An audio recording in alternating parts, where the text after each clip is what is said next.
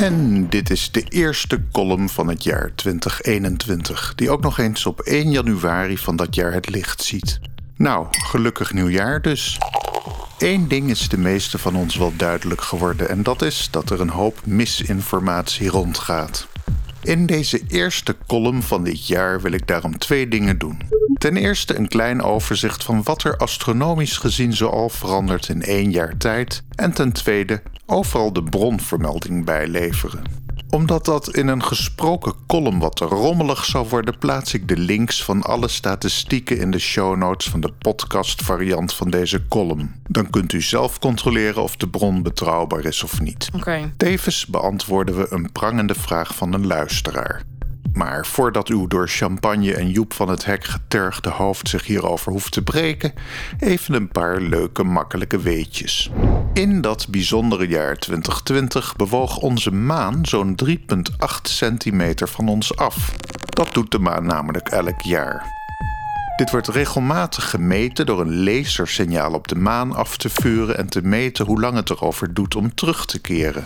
Een deel van dat lasersignaal wordt namelijk gereflecteerd door retroreflectoren die daar door de astronauten van de Apollo-missies in de jaren 60 en 70 van de vorige eeuw geplaatst werden. Beweegt onze aarde op eenzelfde wijze steeds verder van de zon af?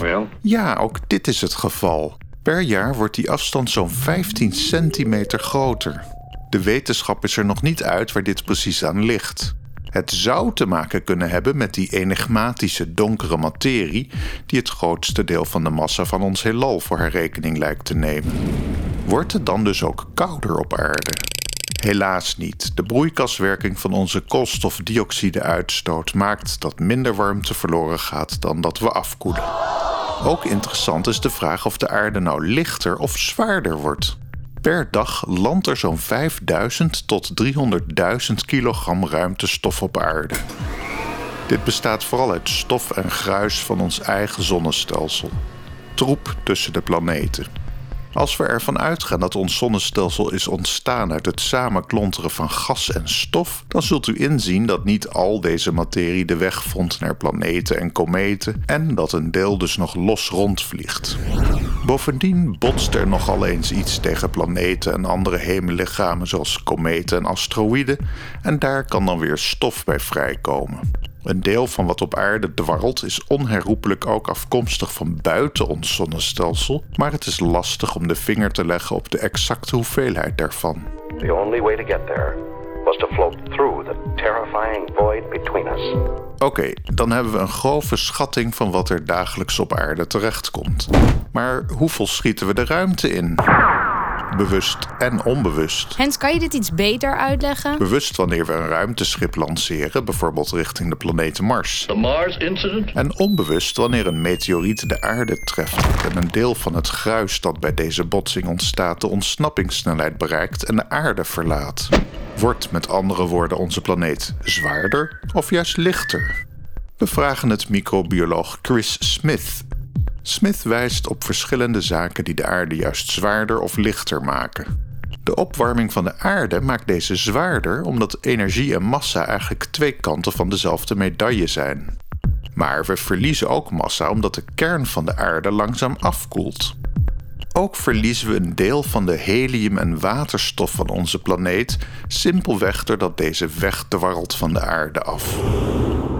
Het gedeelte dat we aan satellieten en ruimtevaartuigen verliezen is verwaarloosbaar klein. Een ruimteschip is misschien een paar honderd kilo, maar dat is een druppel in de oceaan vergeleken met het voornoemde ruimtestof dat we met onze aardse zwaartekracht dag in dag uit aantrekken. Al met al schat Chris Smith dat planeet Aarde per jaar iets van 50.000 ton lichter wordt. Dit is ook de waarde die we op Wikipedia tegenkomen.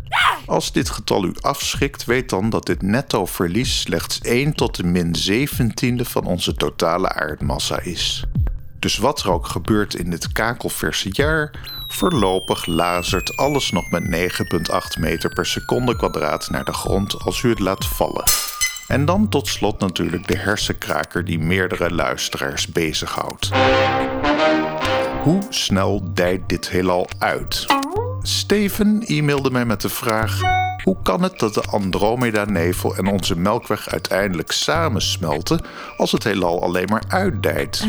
Dat is een logische vraag. Even ter introductie op het antwoord. Binnen onze lokale groep van sterrenstelsels, het Virgo Supercluster, vinden we verschillende sterrenstelsels zoals M31, ook wel de grote Andromeda-nevel, en onze eigen Melkweg. Dit Virgo supercluster is zo'n 110 miljoen lichtjaar in diameter en bevat nog vele andere sterrenstelsels, zoals bijvoorbeeld M33 en de grote Magellaanse wolk. In een alsmaar uitdijend heelal zouden we kunnen aannemen dat de sterrendistributie steeds eiler wordt en sterrenstelsels dus per definitie uit elkaar moeten bewegen. Deels klopt dat natuurlijk, maar we zien dus ook dat de Andromeda-nevel en onze Melkweg op elkaar afstevenen. Het eenvoudige antwoord is dat de zwaartekracht objecten naar elkaar toetrekt. Ja, zelfs zo'n Andromeda-nevel op een afstand van 2,5 miljoen lichtjaar verwijderd van onze Melkweg en diezelfde Melkweg trekken aan elkaar door middel van zwaartekracht. En het is maar goed ook, want diezelfde zwaartekracht houdt ook sterren en planeten bij elkaar. Anders werd het hier op aarde veel sneller kouder en onleefbaar. We moeten dus een onderscheid maken tussen lokale objecten die aan elkaar trekken met de zwaartekracht en het totaal van het heelal wat juist weer uitdijt. Maar hoe snel dijt ons heelal nou uit per jaar? De term die we hiervoor gebruiken is de Hubble-constante. Wat weer een rare term is, want in feite is het juist een variabele. Want we weten dat het heelal steeds sneller uitdijt. Wat we dus kunnen doen is de huidige waarde bepalen van die uitdijing en die noemen we voor het gemak dan maar Hubble-constante. Weet je het zeker? Je bent veel te snel tevreden. Meestal wordt deze iets van 72 of 71 of 67 genoemd. Wat betekent dat? Leg dat nu nog maar eens uit, zodat ik het ook begrijp. Wat we meten is hoe snel ver weggelegen sterrenstelsels van ons afbewegen. Het ligt dan voor de hand dat een ver weggelegen sterrenstelsel sneller van ons afbeweegt dan een dichterbij gelegen sterrenstelsel. Dat het zo makkelijk kan. Vergelijk het met het reizen van deeg. Het hele deeg neemt in volume toe, maar twee bij elkaar liggende graankorrels zien maar weinig afstand tussen elkaar toenemen, vergeleken met twee verder van elkaar verwijderde graankorrels.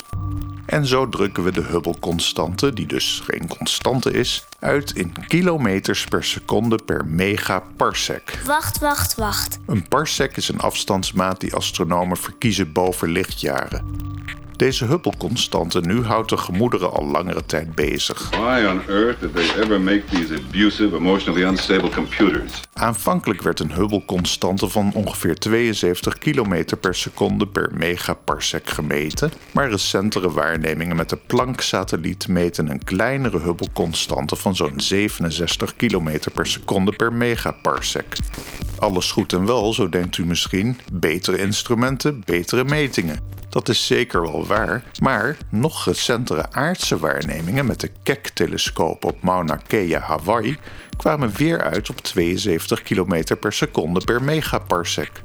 Kortom, het laatste is er nog niet over gezegd.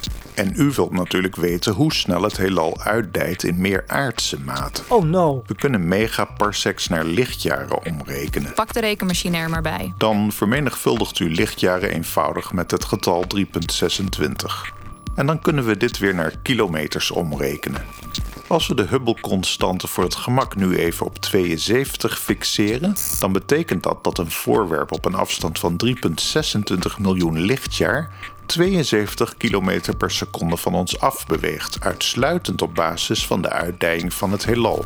Want voorwerpen kunnen ook nog andere bewegingen ondervinden, zoals bijvoorbeeld ronddraaien om een zwaartekrachtcentrum. Tuurlijk. Rekenen we dit nou weer om naar kilometers, onze favoriete autoweg gerelateerde eenheid, dan beweegt een voorwerp op een afstand van 30,9 maal 10 tot de 18e kilometer van ons af met 72 km per seconde. Vergroten we de afstand waarop we kijken, dan bewegen voorwerpen dus nog sneller van ons af. Dat is nou eenmaal hoe uitdijing werkt. Tot de volgende keer.